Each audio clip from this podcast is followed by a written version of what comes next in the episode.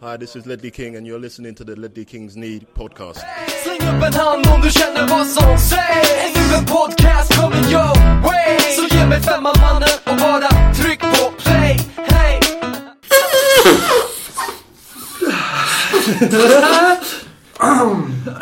Har du alltid haft tre ögon Per? Vi kan väl säga, vi testade ju det här, fick lite tips från Kyle Walker.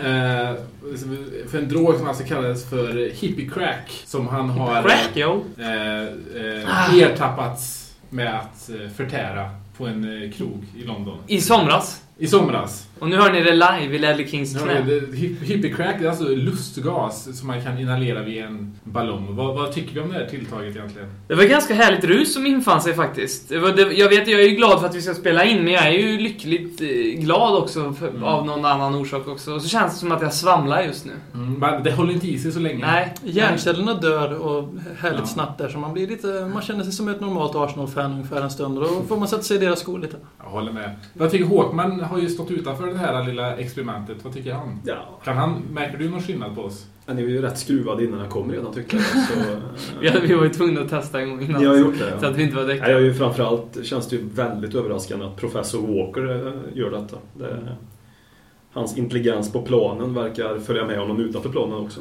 Så blivande lärare känner jag förolämpande att du jämställer mig med Kyle Walkers intelligens. Ja. Ja, Det, bakgrunden till storyn är ju att eh, av någon anledning så valde ju The Mirror att gå ut med en artikel på en bild när Kyle Walker inhalerade hippie crack i somras, eh, nu efter hans succématch då. Succématch inom eh, Det citattecken. att hans, det är för att hans hype är som störst nu. Ja, Det eh, ser ut som en väldigt töntig drog också. När man ser. Alltså, det, ser ju Det väldigt... är ju en, ja, det är ju en töntig drog. Ska man droga så ska det väl ändå se lite... Ja. Det här är ju Men något jag som... måste ju dock säga att när han står och håller den här kulan som en ballong då, som, alltså det ser ju ut som att han drar i sig ganska tunga grejer före man läser på men tror man PK-maffian så är det ju en dödlig drog. Man kan ju gå och köpa det här på Konsum. Du kan köpa Nej, så vi- patroner vi, vi, vi, till... kan, se- eh, vi kan se så här Ja, ja, och sen vad är nästa steg? Ja, du köper patroner. Jag ska inte berätta. Jag, jag vet inte. Man kan säga så här att man kan ju använda såna här gräddsifoner som Exakt. säljs på Clas Ohlson för 450 kronor. Eh, vi- något vi inte rekommenderar såklart. Eh, Vi kan också säga att eh, vi har faktiskt inte testat den här drogen i podden. Eh, Men jag vill ändå, på, i, mitt tycke så tycker jag att det, som BM säger, det är PK-maffian som slår på den stora trumman. Eh, Men det här är en drog som oftast används i samband med marijuana och då får man lite hallucinogena effekter av det. Det är ett rus som håller i sig mellan 15 och 45 sekunder. Och så är Af- Aftonbladet och The Mirror eh, jämför den här drogen med kokain och heroin. eh, Vilket är ett stort skämt. Ja, Men kokainhit hur, hur vanligt tror vi att det är att det förekommer form av drogmissbruk där i olika nivåer? I, ja, dem. Missbruk eller bruk? Bruk säger jag då. Ja. Ta bort missbruk. Oerhört vanligt. Ja. På hög nivå. Mm. Oerhört vanligt tror jag. Är det, är det ironi i den där rösten?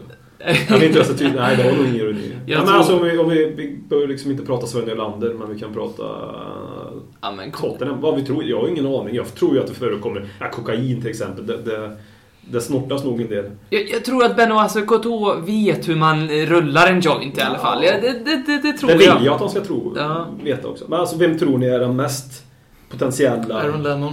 Alltså... st- Ja, drogmissbrukaren. Om vi säger, nu är nog ingen missbrukare, eller ingen är missbrukare, men vem har störst potential, potential till att, att bli det? Kyle Walker. Den engelska maffian är ju klubben som, fler, som flertalet gånger har publicerat bilder när de själva är ute och krökar. De bråkar med One Directioners på krogen och de super dagen före North London Derby och... Men ge mig ett namn. Är det Kyle Norton. Nej, Kyle Norton. nej, förlåt, Kyle Norton, eh, Livermore och Lennon och så Huddleston förut då som är våra syndare. Norton känns som man kommer att eh, hamna i det De där. är ett litet gäng som är ute och festar ofta. Men dricker vet jag inte om de dricker så mycket för alltså det påverkar ju en hel veckas träning och Det gör redig de, dricker mycket.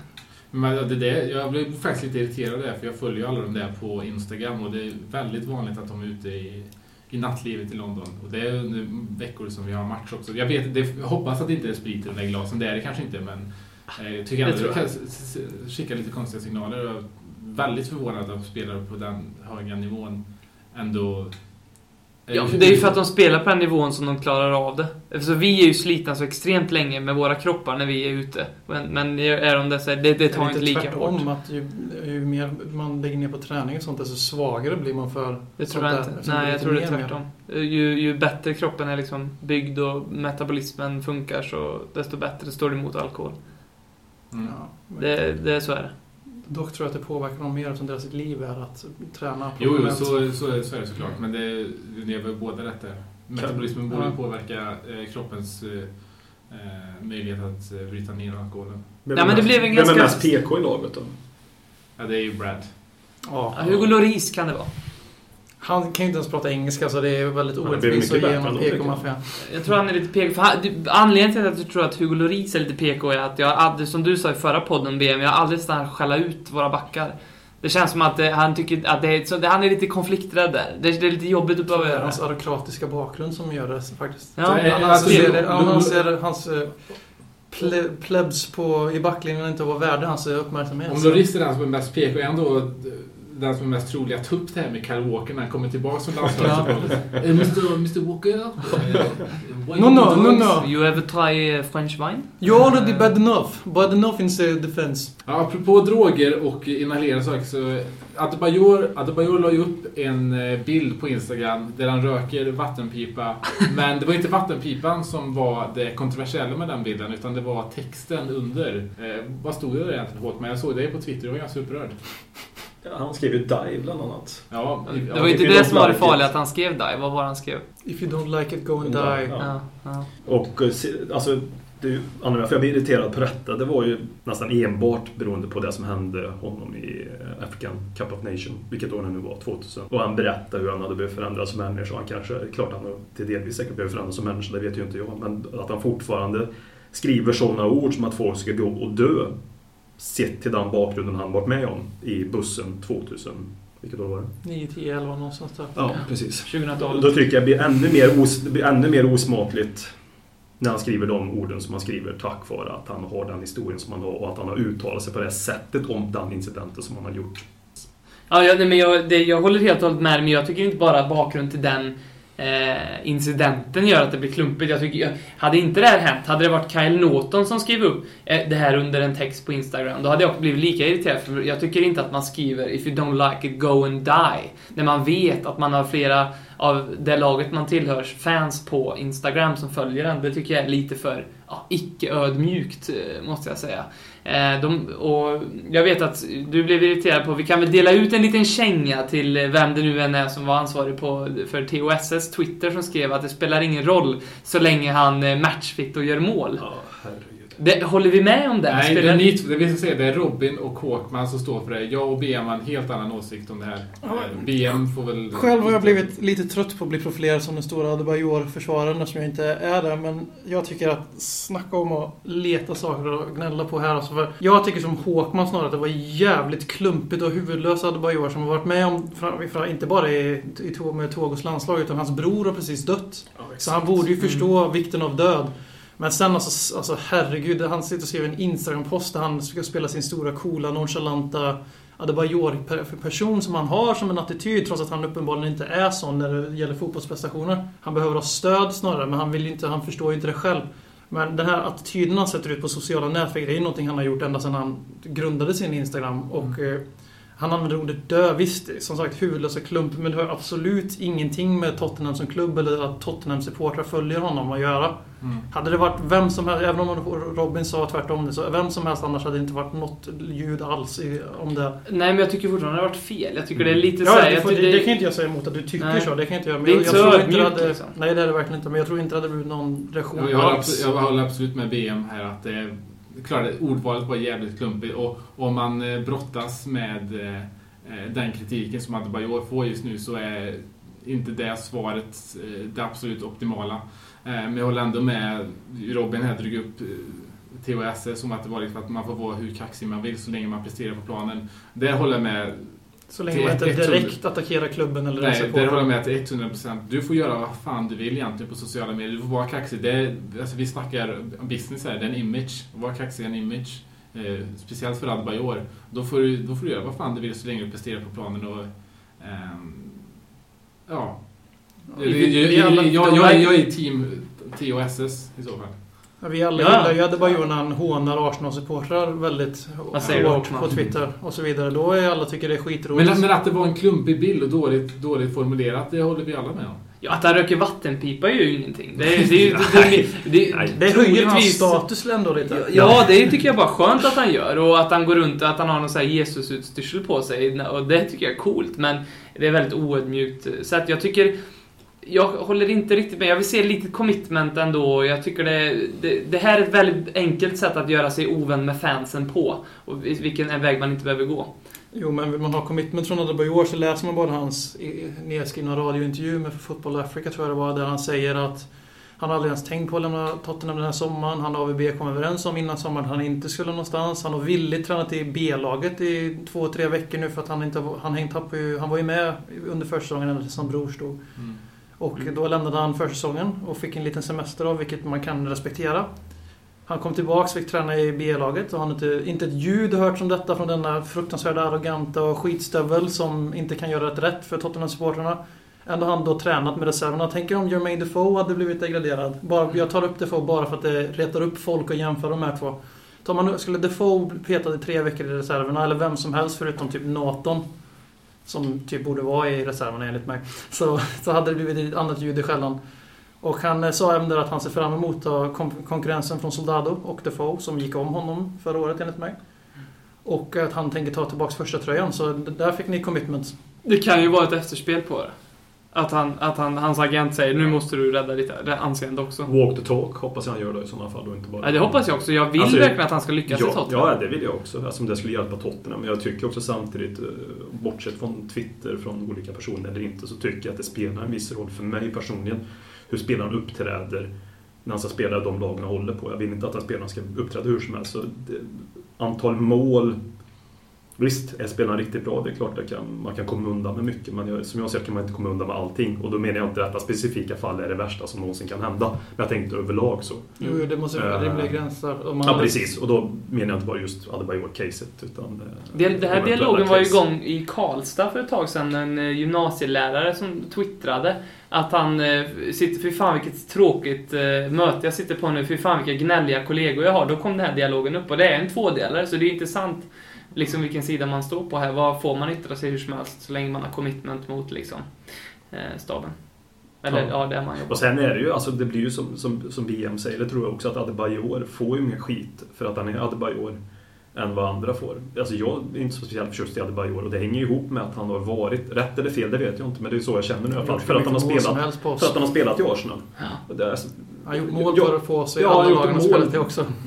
Han har gjort en 10, 11, 12 mål mot oss. 14 och sen har han, han har ju verkligen varit, det är få spelare i motståndarlagen som har haft en sån tydlig hatramsa mot sig. Sen kan man tycka mycket om ramsan i sig, men Sen är med få... Tottenham-supportrar sjunger han mot honom när han spelar i lagets tröja. Så då, det är, Ja, ja, men det, är ju- det, där tycker, ja, det, ty, det jag också är fel, men det är ju få spelare som har, som har varit ett sånt tydligt hat emot. Mm. Sen Sol Campbell innan han skrev på för oss. Mm. Som jag upplever det. Sen kan, och då är det ju rätt mänskligt att det kan bli att han ligger på så jävla mycket mer minuspoäng än Jeremy Defoe. Defoe förtjänar att ha mer respekt för att han har ändå Ja, visat ja, mycket det för ser jag inte emot. Och bara för, bara för att dra de parallellerna igen emot varandra. Så, eh, Fortsätt det, för folk blir jätteupprörda när man gör det. De, de tycker Ja, inte det ja. går att jämföra de två trots att de spelar på samma position Ja, och slåss om det- samma plats. Ja, men om ni förstår vad jag menar, att det, då, då tror jag att också att det blir mer rage mot Adebayor just för att om man backar bandet fem år, sex år, sju år. Mm.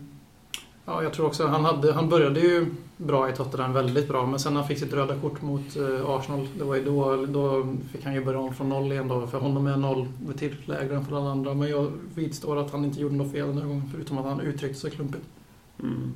Och sen början i året eh, rätt klantigt. Sen är jag inte 100% insatt i det fallet. African Cup of Nation, där att det var väldigt mycket velande fram och tillbaka. Eh, Och sen när han skulle komma hem ifrån den där African Cup of Nations att det var väldigt svårt att få hem en också. Mm. Alltså, d- vissa spelare är det problem, mer problem med. Och Adebayor är det. Det är mer rörigt kring Adebayor än det är kanske kring, nu är inte han med oss länge, Scott Parker. Mm.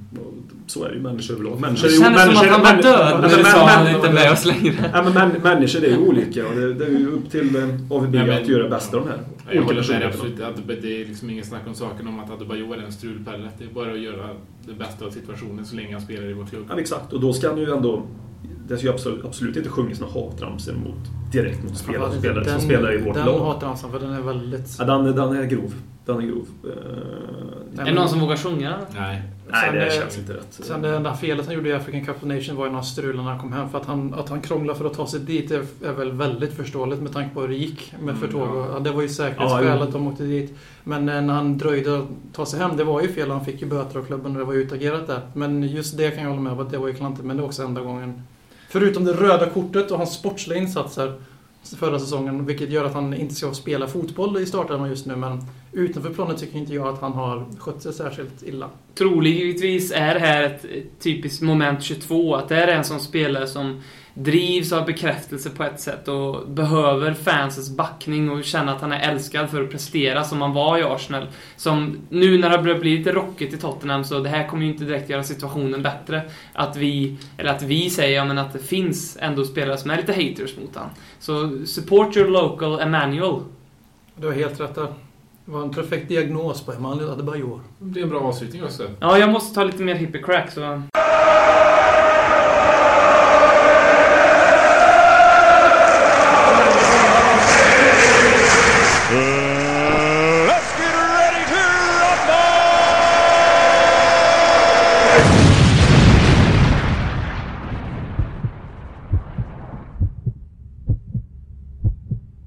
dags för Norwich, eller som Håkman hade kallat det, Norwich. Eller kallar det. Mattias Svensson. besöka White Hart Lane nu på lördag, eh, klockan fyra. Ehm, Norwich, som är en liten Tottenham-bekanting. Många spelare som har eh, kopplat, eller som har spelat både för Tottenham och, Norwich genom tiderna. Kyle Norton, om ni kommer ihåg. Eh, David Bentley var ju som ungdom där, slog igenom. Peter Crouch, Sebastian Bassong för att nämna några. Harry Kane, eh, Harry- Ru- Rule Fox, Tim Sherwood och Chris Hughton. Många Tottenham-referenser i, i det här laget. Rudolf Fox som var en av de första som Danny Levy försökte sälja ut när han kom till klubben. Mhm. Stora projektet i början. Ja, den lille talangen.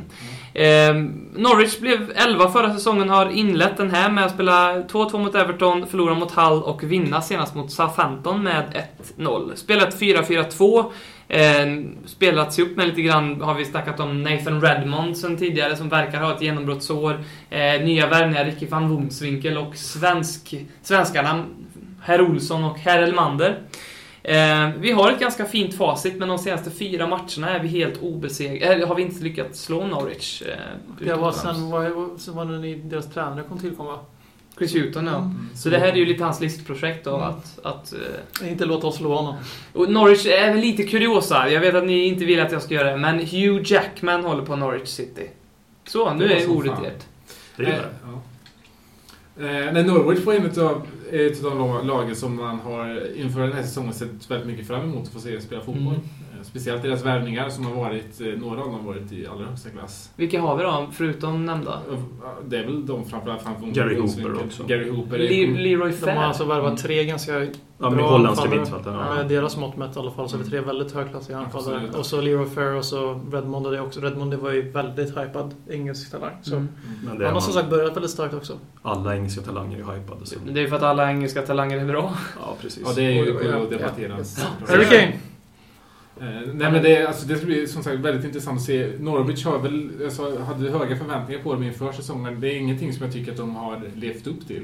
Nej. Det någonting- Jag hade förväntat mig lite roligare fotboll, även om det Mm. såklart inte är dåliga resultat de har tagit med sig hittills. Sen precis som eh, för oss så är de ju inne i en ganska omvandl- omvandlande process där de har liksom Mm. värvat en Mm. helt ny kärna till laget. De är inte så där, de är ett litet lindansarlag, eller de har den historien i alla fall i den senaste tiden. Och eh, de känns inte riktigt som... Eh, de är inte riktigt där än då de kan börja spela ut motståndare. Men det är dit de vill komma. Sånt tycker vi om när lag inte försöker försvara sig till eh, att stanna kvar i Premier League utan de vill utvecklas mot att spela lite mer spursigt. Mm. Jag tror det här är ett perfekt test för oss just nu. Det är precis det här laget som jag känner att vi ska möta efter en match mot Arsenal. Det är liksom inte Chelsea och uppe på den nivån. Och det är inte något så här bottenlag där det är lätt att bara säga jo, jo, men de är inte speciellt bra. Utan det här är laget som ändå är ganska spelande. De kan tajta till det, de kan vara fysiska, de kan spela. Så det kommer väldigt intressant att se hur bra vi egentligen är. En bra värdemätare att möta Norwich nu, eh, tycker jag. Jo, speciellt med AVBs facit mot Norwich. För att eh, han har ju, om det, det så satt jag ofta och rabblade om förra året, att eh, han verkar ju ha AVBs nummer, Jutan. Alltså att han vet exakt hur man gör för att neutralisera Tottenham och eh, AVB. AVB är ju alltså, har ju alltså inte vunnit mot Norwich, nej. Eh, inte hos oss. för, för, ja, har mött dem tre gånger, förlorat en och oavgjort två. Och Ja. eh, framförallt som den, den genomgående trenden i de här matcherna är ju att det var ju Bale som räddade poäng på ett magiskt solomål, så var det Dembele succédebut och liksom var alla gånger mer eller mindre så har Norwich förtjänat segern mer än vad Tottenham har gjort, i alla fall som när AVB har varit hos oss. Ur fansynpunkt, vi pratar om Hugh Jackman, så en sak som Norwich har som är bra, det är att de har en låt som, jag, som heter On the Ball City, som jag inte kommer ihåg melodin på, men som är, de är unika med. En av de enda klubbarna som är unik med en låt i Premier League. Eh, We're on the Ball City. Det går typ. Håkman igång på där borta säger jag. Ja, det, det här är ju din typ av kuriosa. Så att, Alltså jag känner inte till låten. Jag, alltså jag, vi kollar på YouTube, On the Ball City. Mm.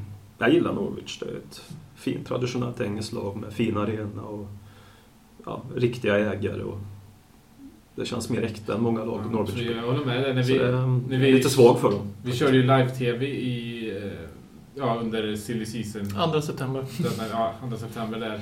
Eh, och då listade ju jag och Håkman våra tre favoritarenor och Norwich var ju på min. Mm, och med min med. På din med. Nu, är, nu ska vi inte dit. Har ni varit på Carrow Road? Aldrig. Nej. Men det ser väldigt fint ut. Ja. Ja, En men fin man- stad då. Ja, men det, är- Nej men det, ja, det, ja, men det, det är som du säger Håkman, det är typiskt brittiska som fortfarande lever kvar Mm. i klubben på många sätt. Hon, eh, vad är hon, kock, hon som äger. Eller TV-kock eller kändiskock eller vad det är. Hon som Ja, är det Nigella? Ja, det är så hon heter kanske. Nigella Lawson? Hon är ju lite milfig. Eh, Ja, det kanske inte är hon. Det, kanske, det här kan vara helt hon, fel hon, Den bilden jag har framför mig, hon är inte milfig. Nej, jag är rätt säker på att det är Nigella Law som inte äger. Ska vi vinkla över till eh, Tottenham kanske och prata startelva och spelare som är tillgängliga och...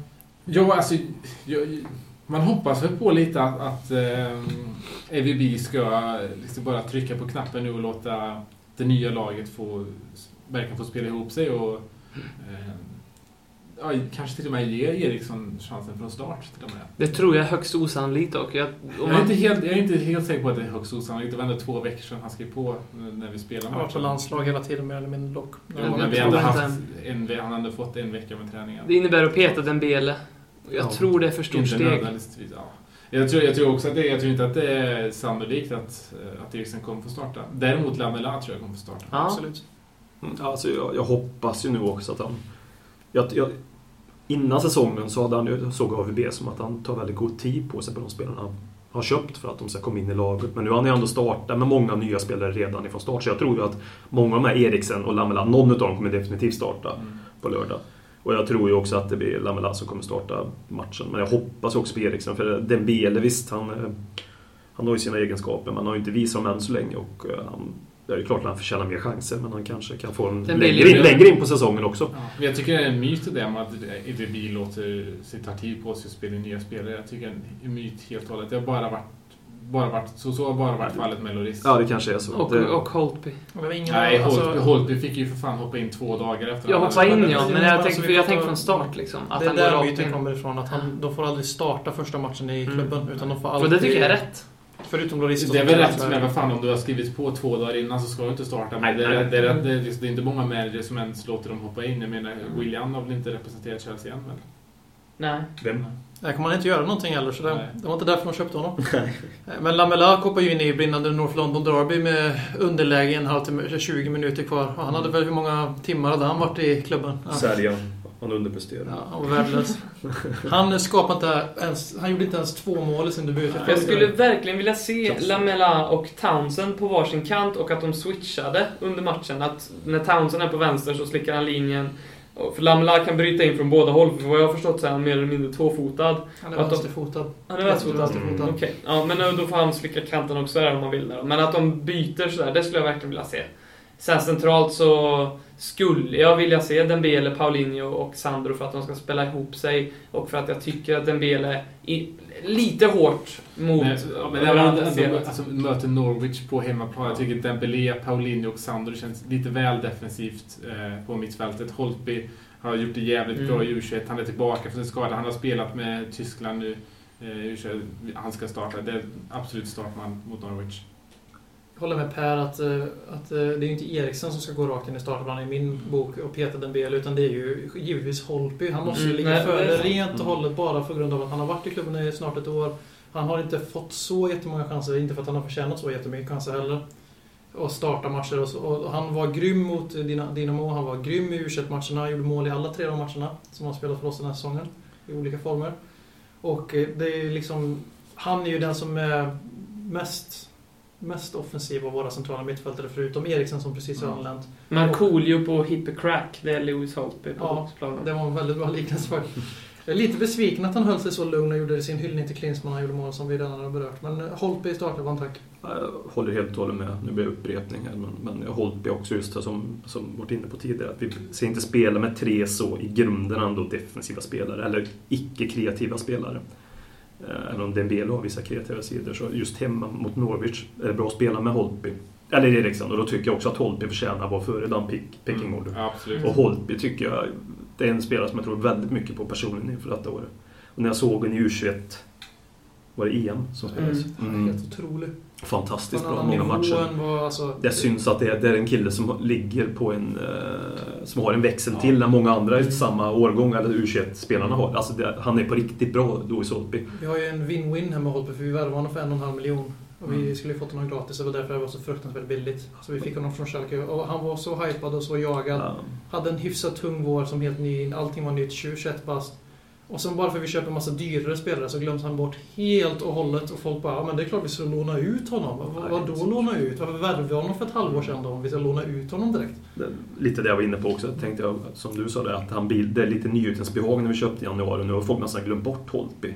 Och nu har vi ju köpt liksom de spelarna för 17 miljoner pund, 18 miljoner 10 pund. och 30. Och då är liksom Holtby, vem, liksom, han, han ska man inte spela. Nu tror jag inte att resonemanget är så för allihopa, man kan tänka mig att det påverkar folks bedömning av Holtby som en sämre spelare nu plötsligt. Alltså mentalt. Mm. Att de liksom för, utgår ifrån det lite grann. Mm, Och nu får han ju för första gången någonsin i Tottenham faktiskt chansen i den positionen som han vill spela i också. Mm. Eh, och det är också när han har en Christian Eriksson som verkligen ja, liksom brinner i, i trasorna på Holtby. Så Mm. jag tror, jag tror Ja, att det tror jag är perfekt. spe, det, spela för honom att starta mot Norwich, det kan bli en riktig homerun. Ha, har Christian Eriksen lite dålig hy?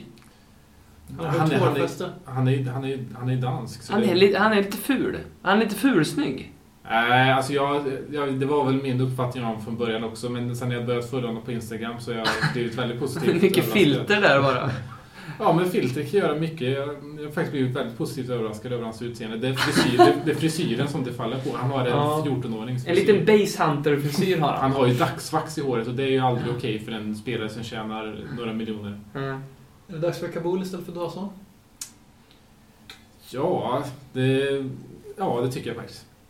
Eller Nej, är det som att det är klubbens bästa mittbackspar att ha Kabul? Ja, men det känns ändå som att Dawson är på något sätt någon sorts ledarförmåga. Den största ledargestalten, vad jag vet i alla fall, just nu i laget. Och med så många nya spelare så kan det vara av importance att han får starta, kan jag känna, även om jag hellre fotbollsspelare rankar Kabul högre. Ledargestalt är han absolut, men om man får kolla på de spelarna vi värvat så är i princip 90% av de vi värvat varit lagkaptener i sina tidigare lag. Så ledargestalter är någonting som inte råder brist på i dagens Tottenham. Det är inte- Dawson är en brittisk ledare. Men jag tänker liksom att han är britt. Utanpå.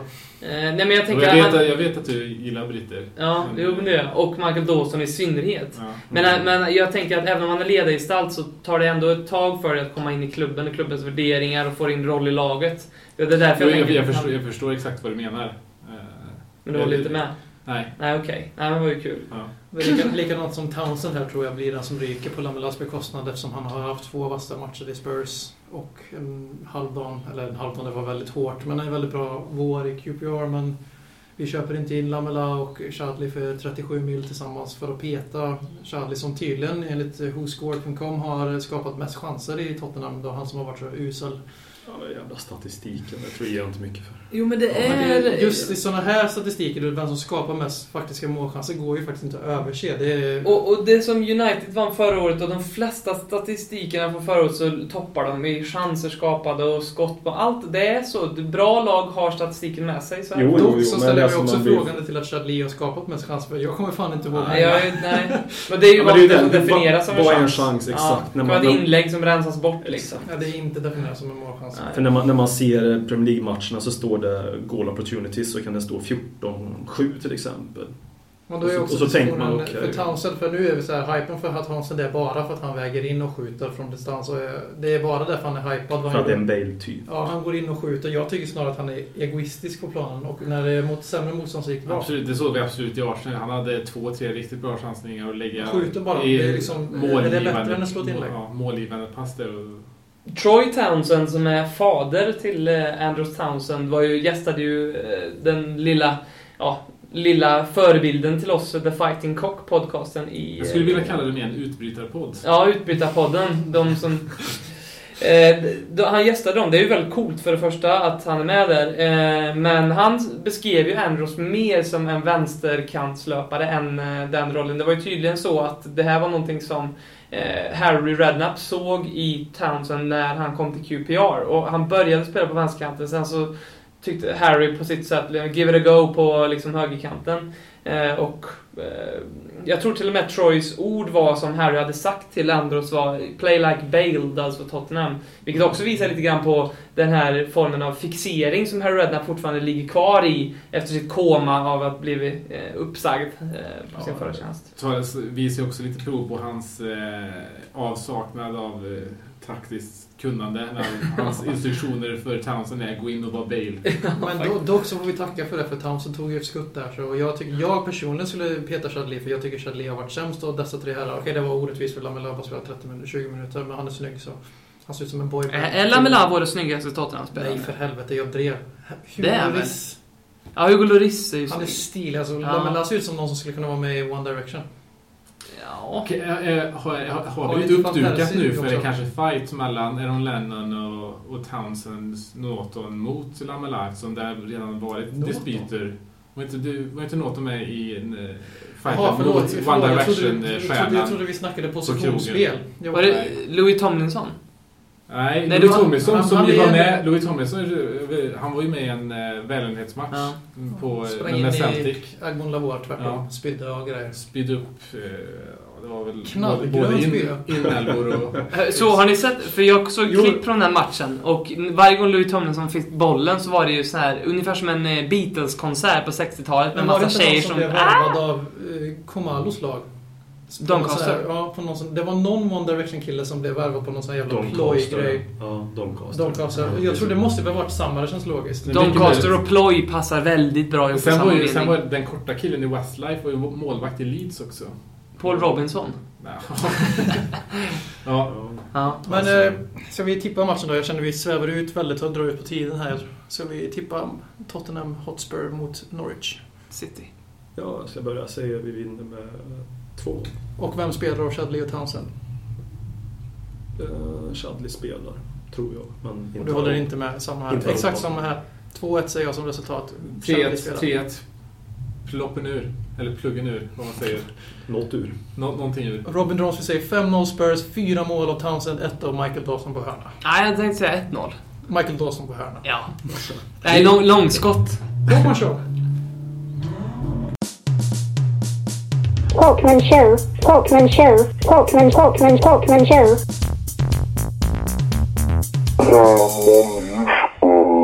Vi har startat och jag missade att vi hade startat. Men då kör vi. Alltså, vi tänkte prata lite om arenor och eh, vikten av att behålla de arenorna man har.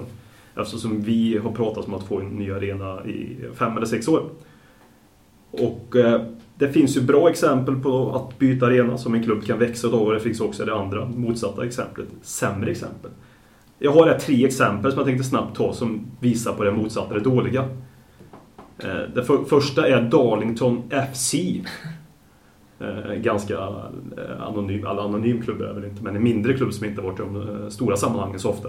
De flyttade till en arena 2003, detta, detta har jag kollat upp kan jag erkänna också. Och en arena som tog 25 000. Det slutar jag alltså med nu att nu finns inte Darlington FC längre. Vilken liga spelade de i när de flyttade? De, det vet jag inte heller. League 1, League 2 möjligtvis. Oj, det var optimistiskt. Det var optimistiskt. Och nu, nu finns inte de längre för att eh, nu spelar de i Northern League, alltså motsvarande division 9. Och har bytt namn till Darlington, Darlington 1883. Och Undrar det, om det är den ligan som Pascal Chimbonda också Jag spelar tror i? det är det faktiskt. Northern League. Ja, i Market Drayton. Ja. Exempel nummer två på hur det kan gå åt helvete när man bygger nytt och stort och drömmer för mycket är Coventry City som ligger jävligt uppe i Europa just nu. De, de flyttar ju till Rio Arena ifrån Highfield Road 2005. 2005, yes. Ehm, och, och drömde väl stora drömmar om eh, Europacupspel och Premier League-spel igen, för då spelar de ju i Championship då, de bytte arena. Nu spelar de i alla fall, i, nu vet jag inte arenan, arenans namn, men de spelar i Northampton som ligger ungefär 7-8 mil utanför Coventry. Beroende för att arenan ägs inte utav Coventry, utan det ägs av andra personer. Det ägs av Ryko. Yes, exakt. Och eh, då tycker de att de får betala en alldeles för stor avgift. Problemet är ju att avgiften är kanske möjligtvis att den är för stor, men nu får de ju istället för att spela in för 10 000 i snitt så har de ju ungefär 2 000 i snitt på de tre första matcherna där i 15 och där måste de ju ändå förlora den mellanskillnaden kan man ju tycka. Också ett exempel på att det kan gå åt helvete. Jag kan fylla i det, det att det blev som det blev med Rico Arena var för att eh, Coventry just nu under administration har inte, de har inga pengar alls. Nej, och där har de ju varit eh, eh, fyra, fem gånger sedan den nya arenan. Precis. Och supportrarna till Coventry har, valde att åka till Rico Arena och, eh, Arena och kolla på en legendmatch istället för att åka på klubbens riktiga hemmamatch med inom citattecken. Så det var ett mycket bra exempel. Det är väldigt tråkigt för man växte upp med Coventry, Rolle Nilsson och Magnus Edman när man är född på 90-talet i alla fall. Så jag antar Mm. Ja, det är en det gäller redan också. Mm, Det var en väldigt fin, fin klubb. Och sen tredje exemplet, det är väl lite för att pissa på dem, som de alltid förtjänar att bli pissade på, det är Arsenal. Arsenal har ändå vunnit rätt mycket när de spelade på sin uh, Highbury, som var rätt fin arena, och varit på väldigt fin och riktigt bra för fotbollsarena. Och de drömde ju om att liksom ta nästa växel, antog jag, när de skulle flytta till den nya arenan, få mer intäkter och det kostar ju att bygga arenan, det var övergångstid. Men nu har det ändå gått, när flyttar de in i arenan? Det har ju nästan Åtta år sedan. De har inte vunnit ett jävla piss som de kommit till den arenan. Det var bara därför jag visste när de flyttade in i den arenan. Ja, så det är också ett dåligt exempel. Sen, sen, eh, lite andra negativa saker med, med att flytta, alltså det jag är inne på, att eh, arenorna nu för tiden tycker jag, alltså de nya arenorna ser nästan likadana ut allihopa. De är runda och ovala, de har inga kanter, inga hörn. De, liksom, de, de, de påminner om varandra, exakt. Identiteten försvinner. Historier och minnen försvinner tycker jag när man bygger nya arenor. Jag kan ju bara se till mitt lag i Sverige, det har byggts nya arenor och jag är inte så väldigt bekväm med det utav rent sen finns det ju naturligtvis fördelar. Sen vill jag dra ett bra exempel bara här också på, på hur det kan bli med nya... Det är Brighton som inte hade ett hem nästan på 15-16 år ordentligt fotbollshemmet. Och de flyttades ifrån staden. Vart vet jag inte heller riktigt. Men sen kom de tillbaka till Brighton och spelade på en friidrottsarena där. Och tappade väldigt mycket, låg väl på snitt 5-6 tusen. Sen de kom till den nya arenan eh, American Express tror jag den heter faktiskt till och med. Någonting sånt där. Så ligger de nästan på 22-23 tusen i snitt. Så mitt tips är om man ska bygga en ny arena så tycker jag, eller bygga ut arenor så tycker jag man ska bygga på befintlig plats så mycket som möjligt och försöka få en arena att växa på det området arenan redan finns på. Som till exempel White Hart Lane. Jag har inget emot att White Hart Lane ska byggas ut men I Byggs ut rätt. så byggde de ju arenan verkligen precis samma namn, bara att den hette det nya, jag kommer inte ihåg nu, men Athletic Bilbao. De mm, byggde verkligen precis bredvid varandra. Jag tror till och med de lyckades bevara en av läktaren och så byggde de bara på andra hållet. ja, det ju- det är det Med dubbelt så stor kapacitet och verkligen på exakt samma plätt. Och det är väl ungefär så vi ska göra i eh, Ja. med, med Burger King Stadium i norra Ja, London. det är ju också tragiskt att det får en massa, massa nya namn som inte säger någonting. Millwall byggde en ny arena 93, då hette ju The Den, nu hette, då bytte de ju namn till The New Den, så det är väl det finaste exemplet. Avslutningsvis, fem favoritarenor som jag har. Bristol Rovers arena är nummer ett, Memorial Stadium. Tvåa är Carlisle, Brunton Park. Trea Fulham, Craven Cottage. Fyra är Brentford, Griffin Park och så den arenan som vi pratar om idag, Norwich Carrow Road. Och det är ju hela engelska ligasystemet. Har du varit i Carlisle? På Nej, nej, jag har inte varit på Jaha, de här nej, ställena. nej. jag utgår ju bara från när jag sitter och kollar på bilder och sånt där. Jag är lite svag för arenor och... Uh, Ja, White Hart Lane, inte ens topp 5. Det är ändå en ganska... Ja, jag tycker vanlig- White Hart Lane är en fin arena men... eh, Men... Uh, not topp Inte 5. topp fem. Nej. Tack! Talkman show. Talkman show. Talkman, Talkman, Talkman show.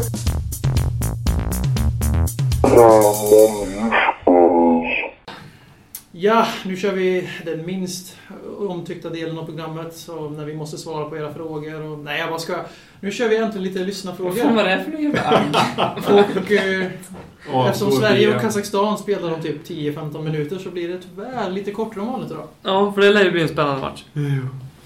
Ehm, Karl Eriksson, är en 70-50-procentig Benny Asokotå bättre än en 100-procentig Danny Rose? 2013, nej. Nej. Tyvärr. Alltså, jag kan 2011 var en 25% Ben Nesokotå bättre än Danny Rose. 25 procent till och med. 2011 alltså. Ja.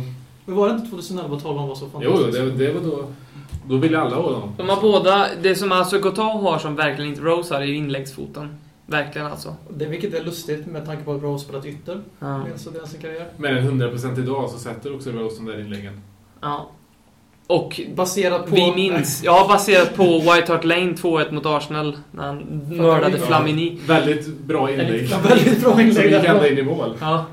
Ehm, Niklas Flemström undrar Hur dåligt kan det gå innan AVB får sparken? BM?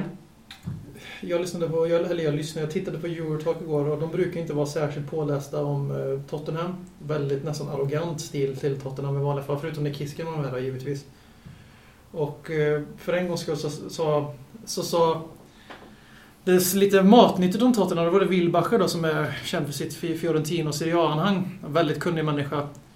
Och han sa att eh, han har väldigt svårt att se att Tottenham ska liksom lyckas med sina mål i år. För att det är en så stor omvandling och även om AVB gör sin andra, sitt andra år för första gången med en klubb på seniornivå. Så är det ändå en helt ny kärna som ska in och eftersom halva vårt lag var byggt, eller vårt spel var byggt på Gareth Bale i fjol och han är såld nu. Så tror han att om målsättningen är topp 4 så kan det fortfarande bli kärvt för Tottenham. Medan han hade en väldigt vital poäng där att att om Tottenham siktar, om fansen förväntar sig ännu mer än topp 4 så finns det inte en chans i helvete att eh, AVB får behålla sitt jobb om vi skulle sluta femma. Och jag personligen håller med först, men nu när jag tänkt på det här lite så känner jag att Ja, fan det är som du säger, att det här är verkligen AVBs lag. Att skulle, vi få, skulle han få sparken om vi blir femma, om inte vi gör ett rednap-dropp då? Mm. Då ska han ha sparken, men så länge vi liksom tar oss till Europa fortsatt och kanske lyckas häva hem en cup eller åtminstone hävda oss igen. Så hoppas jag att han får fortsätta, men han kommer inte få fortsätta om vi inte kommer topp fyra. Vad var det som eh, Livi betydde? Någonting med att eh, imposa sig själv ekonomiskt i förhandlingar eller militärt. Alltså tvinga på och... Eh, Alltså ordet Livi. Ja, och det är roligt. Jag tror, På tal om... på tal om Livi, jag tänkte flika in här och säga att jag tror tyvärr att Livi är ganska benhård. Med, jag hoppas att han har mjuknat, men jag, hopp, jag tror att han är benhård med att nu har du fått så här mycket pengar att spendera, prestera liksom. Det kan ju vara en kupptitel som, som kan väga upp ett eventuellt, en eventuell Ja. sjätte plats. Jag tror vi blir typ sexa. Jag tror det tar mer tid än så här för oss att spela ihop oss. Alltså, Livi är ju en businessman through och han, han sätter ju upp målen och får, är du en anställd av Liv så ska du klara dem annars ryker du. Jag menar, vi såg ju inte minst hur det gick för eh, Eh, kvinnan som var eh, anställd för den, var det global eh, annonsförsäljning som fick sparken för att hon inte håvat in det största kontraktet som vi hade, som vi, ja, vad är det, som Tottenham någonsin har fått. Hon hade det målet i alla fall. Att hon vinner det största reklamkontraktet, eller tröj, tröj sponsorkontraktet någonsin. Hon klarade inte det och då fick hon sparken. Och det är lite samma, så det är klart att han implementerar det också på, på tränarskapet. Men jag tror ändå att eh, fixar han topp 5 så, så får han chansen. Det som BM säger, det här är, är bevislag. Mm.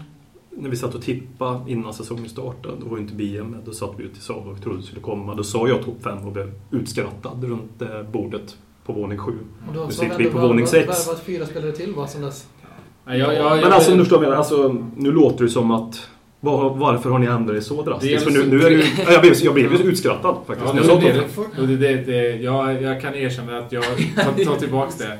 Dels var jag lite mer positivt inställd till att Bale skulle stanna då. Okej, ja men det kan ja, men det kör jag. Sen, sen, sen så ty- tycker jag ändå att eh, hela den här William-affären påverkade min eh, ställning till topp 4. Men det var innan, då när vi pratade Jo, om jo, fyra. men sen, jo precis. Mm. Men alltså, sen dess så har jag Ja, liksom ja, okej. s- satt ner Fick förväntningarna en, ganska fick en käftsmäll. Jag kände ändå att eh, Bale lämnar men vi får William och Lamela. Det kändes ändå som att den Ja. potentialen som Ja. William Nu inne, fick vi Eriksson och Lamela istället. Ja, precis. Det är lite sämre. Alltså just nu är det lite Ja, sämre. det- För- som men för sagt, vi- framtiden är det ju Mm. bättre. Men Mm. Nej, jag tror inte längre på topp 4. Nej, nej man, klart man ändrar sig. Jag var inte med och skrattade åt det, men jag hade nog också gjort det för jag tippade Tottenham som trea med Bale och som femma utan Bale. Och utan att, då hade inte vi värvat eh, Lamela, Kritches och Erik, Eriksson och då tippade jag Spurs som trea med Bale och femma utan. Nu sitter jag och säger att vi ska bli femma trots att vi har värvat tre spelare till för att ersätta Bale då. Men eh, det som har hänt framförallt för mig som gör så att jag vaktar i min tro nu är att för det första har det sett väldigt, väldigt mycket växtverk ut. Mm. Samtidigt som Liverpool har sprungit ut med en jävla fart ur startboxen och de är ju verkligen så självförtroende-lag. Vi får hoppas att det händer en, en motgång för dem snart, för de är inte så här bra egentligen. Men nu när de har medvind så är de bäst i ligan, vilket tabellen Ja. tidigt visar. Jo, jag och väldigt... Och sen har ju Arsenal tyvärr värvat en fantastisk fotbollsspelare som har fått tillbaks tron i klubben. De behöver inte Mesut Özil på det sättet. Alla spelare behöver världsklasspelare, självklart, men alla klubbar. Men tyvärr har ju de fått tillbaks tron i sin klubb nu. nu alla, alla står ju bakom dem, precis som vi gjorde ända fram tills de värvade honom eftersom vi Mm. tydligen bedömer vår egen lycka efter Arsenal. Mm. Men det är väldigt viktigt sånt där. Vi var ju alla bakom Spurs. Fram till Bale och dygnet och North London-förlusten. Då började alla vackla direkt. Mm. Medan Känns Arsenal fick en helt annan push med Özil kom in och de vann North London Derby. Ja, det, det, det svänger snabbt i fotboll faktiskt. Så det kan man säga. För hade du frågat mig för en vecka sedan så hade jag varit eh, nästan lika positivt inställd ändå som Mm. jag var till eh, Tre veckor sedan. för tre veckor sedan. Men sen så är det liksom jag, jag hoppas fortfarande på att Liverpool bara är 2013 års West Bromwich. Mm. Eh, Det är mycket möjligt. Mm. Mycket möjligt. Alltså, jag, jag tror ju också så här, bara snabbt, Liverpool är fantastiskt bra. Men jag tror inte de orkar långa loppet riktigt. Jag tror inte de har uthålligheten. Det, det, är de, det de har ändå, att de inte har En Europacupspel. skada på Sturridge skulle vara De, något. de har bara... Han är skadad. Han är skadad fast inte tillräckligt. Och så har de, de har bara ligan att tänka på. Och ligacupen och FA-cupen. Så de har inte De har bara ligan att sedan tänka på. Ja, bara ligan. De skiter ju i ligacupen antar jag. Men i alla fall så, vad detta med Tottenham, alltså det känns ju också som vi kommer inte gå på så många miner nu. Det känns som vi är, samtidigt som vi är tråkiga, känns som vi är stabila, känns som vi har ett lag som är rustade för en lång säsong på ett annat sätt. Att vi, vi är lite eh, som Mancinis eh, Manchester City. Ja, Fast en sämre, bra- fast en sämre, sämre version utav dem, så att Det var en säga. bra liknelse faktiskt. Ja, vi är tunga att möta, vi spelar inte så värst roligt kanske allt, men vi vinner med 1-2-0 tror jag många matcher. Vi kan även förlora. Vi, vi, så, och ändå kommer det finnas folk som Vissa spelar på ett visst sätt. Vi är vana Tottenham som spelar på lite mer Martin Jolt-stuket kanske. Och Harry Redknapp också, men ja, Manchester City light känns det som. För Mm. två, tre år sedan. Mm. Ja, jag håller med dig. Jag tror vi absolut... eh, Det här året, jag tror inte vi kommer att gå på de där nitarna Ja. som, som vi har gjort i, i, i, Inte, Förr i inte, Nej, men till, inte till Ett, antalet. ett, ett snyggt sätt att ducka frågan totalt som handlade om hur långt det kan gå innan Ja, ja. AVB får sparken. Men, Ja, men alltså, jag, jag, tror- alltså, jag tror inte han kommer få sparken om vi slutar femma till Nej. exempel. Ja, Och går hyfsat väl. Jag, jag, jag, det beror på hur vi slutar femma. Ja. Robin Nordland är ju den här eh, regissören för den här delen. Vi tackar så oerhört mycket för din entusiasm som du har lagt ner och eh, kommer att spara en del av dina frågor till, till nästkommande program för vi hinner inte ta alla. Eh, men ett par då. Vem har potential att bli vår nästa kapten? Om ni får välja en spelare och motivera det väldigt snabbt nu den här gången. Och inte ducka för frågan nu, utan välja en spelare. Vi har ju, vi har ju värvat in i princip, jag tror jag alla utom Chantely som vi värvat i år och Lamela. Paulinho. Eh, kapten, har, har, inte, har inte Paulinho varit kapten i... Osäker. tror Ja. Mycket, mycket möjligt att han har haft Ja, jag tror det. på Annars är det bara kaptener vi har värvat så att det, det finns absolut, som jag sa tidigare, det, råder inte brist på kaptener. Men vem är det då? Vertongen. Hugo Lloris. Ja. Jan Bertongen. Tyvärr. Tråkigt svar eftersom det redan har sagts. Ja, det var, kände jag också, för det är precis han jag skulle säga också. Eh, Eller jag Hugo slänger in en Lloris. curveball och säger Aaron Lennon. Han har ju varit lagkapten förut i Spurs och visat med all eftertyd i allting att han är en mycket bra ledare. Andrews Townsend. Sandro är lite joker här. Fast han är Han för flamsig är, han kanske. är för mycket, han är för mycket polare med alla för Ja. att vara lagkapten. Om ni fick eh, rekommendera en match att se live på White Hart Lane under säsongen, vilken tipsar En. ni om? Mm. Tottenham-Arsenal givetvis. Det är drömmen för alla Tottenham-supportrar att gå på den. Mm. Ja, agree. Eh, Även om det är töntigt av svenska supportrar att inte tycka om Arsenal. ja, Färjestad hemma mot Örebro. Ja, det- Två jokrar. Försök att hitta en match som är på en sen, under vintern, sent en kväll. För det är mäktigt att se på fotboll i, i Storbritannien under the floodlights. Alltså med, Eller med på en str- Europamatch bara. Ja, str- strålkastarljus liksom när det är mörkt ute. Det är riktigt mäktigt. Mm. Eh, och ett litet jokertips där, att gå gärna på en bortamatch. För klacken är i, gärna i London mot Fulham, Chelsea, West, West Ham. Ham borta. Ja, till exempel. Det, det, det är riktigt kul att gå. Så det, det kan vi tipsa om. Eh, sen den här då, Pers favoritfråga här. Hur beställer man enklast matchtröjor? Ja, jag vet inte vad denna person menar riktigt. Om det är så att ut, utöver den officiella hemsidan där de faktiskt säljer eh, Och där jag personligen tycker att alla ska köpa sina tröjor för att vi ska ändå kallar oss Tottenham-supportrar. Även om de rånar oss med sina ockerpriser så tycker jag vi ska stötta klubben Eh, ekonomiskt. Jag resonerar ju inte så. Jag väljer istället att sponsra Newcastle genom att köpa mina tröjor från sportsdirect.com. För Mike Ashley är ju Tottenham-supporter. Ja, där de är 10 pund billigare och billigare frakt. De är mer än 10 pund bi- det är billigare Nej. än när man tar tryck och sånt. Min tröja gick fan upp mot 88 pund med frakt. Om vi nu tål att eh, ha på vårt samvete att vi eh, uppmanar folk att eh, kringgå att betala pengar till klubben så kan jag också tipsa om att köpa tröjan på Sports Direct och sen gå till någon lokal tryckeri i London så kan man trycka matcher på. För det är otroligt mycket Fast billigare än att göra köper, det fast köper du från Sports Direct så är det oerhört billigt att trycka Ja.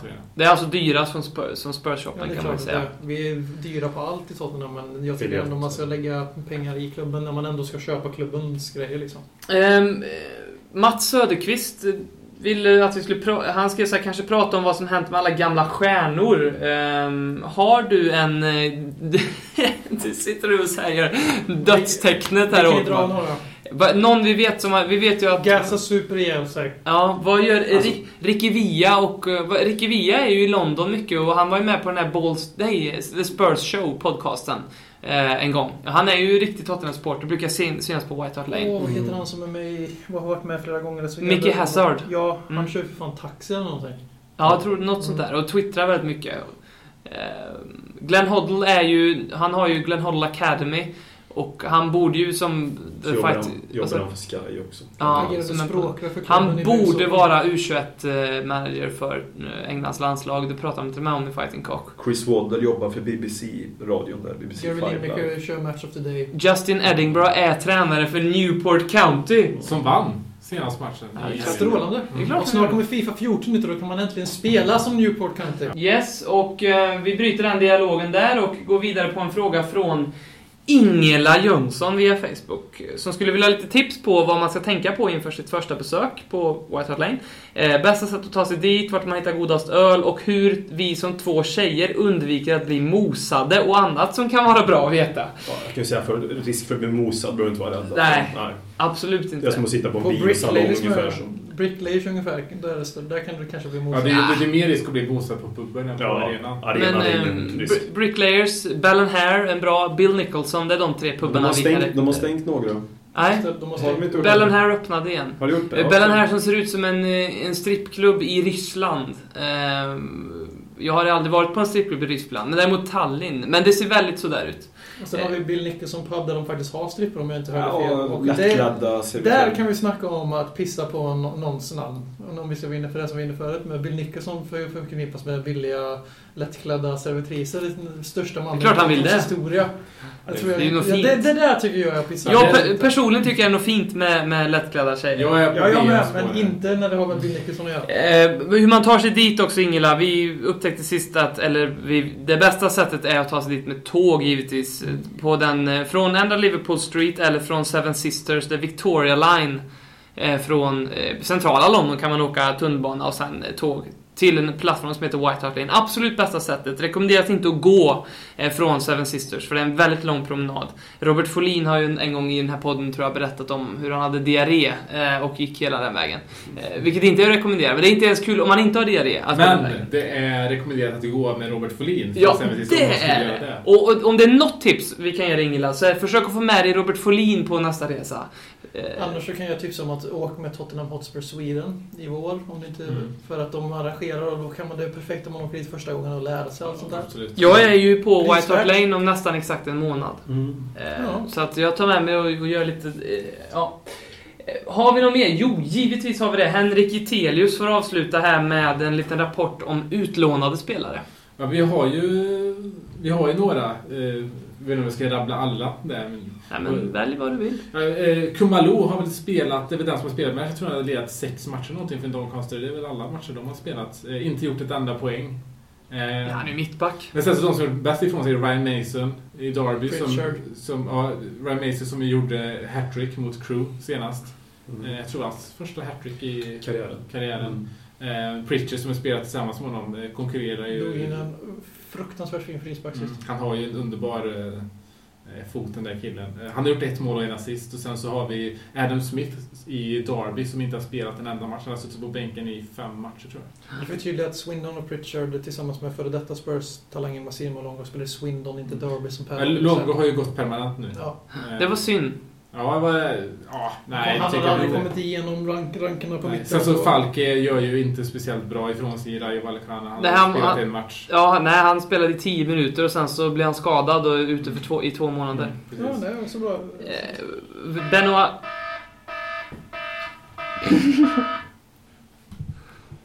Benoit Svaikoto och Tom Carroll har inte än gjort sin debut. Det gaslar Ja. här inne. Det kan vara hippiecracken som har legat och pyst ut. SWAT-team är på väg. Nej, Jag tror, ska vi av- avrunda där före Per mördar Robin Rosfield? Ja, Du är ju, du är ju Per ljudfascisten. Hur känns det nu när du sitter och kokar över Det det här kan bli senaste? stökigt nu efter när vi trycker på Vi, off vi, vi gör så här att eh, vi tackar för oss med det där miserabla misstaget och eh, råder er att ta kontakt med oss på Twitter, Ledley Kings Kna, eh, Facebook, samma sak där. Skriv gärna fanbloggen, fortsätt hashtagera bilder på Twitter och Instagram med Show Your Spurs. Kom igen nu, pusha lite. Och eh, ja, heja Sverige! Dags att hämta hem det ännu en gång För jo, du vet ju hur det slutar varje gång vinden vänder om. Det spelar väl ingen roll, håller du finger långt Alla de minne får, de är ett minne blått Det här är ingen blå grej som rent spontant blir omtalat på något omslag som Heidi Montage Eller Spencer Pratt, är nog den endaste svenska MC'n som har en känsla för rap Så hey! släng upp en hand om du känner vad som sägs ner med femman mannen och bara tryck på play. Hey! hej Släng upp en hand om du känner vad som sägs. Är du en podcast kommer your way. Så ge mig femman mannen och bara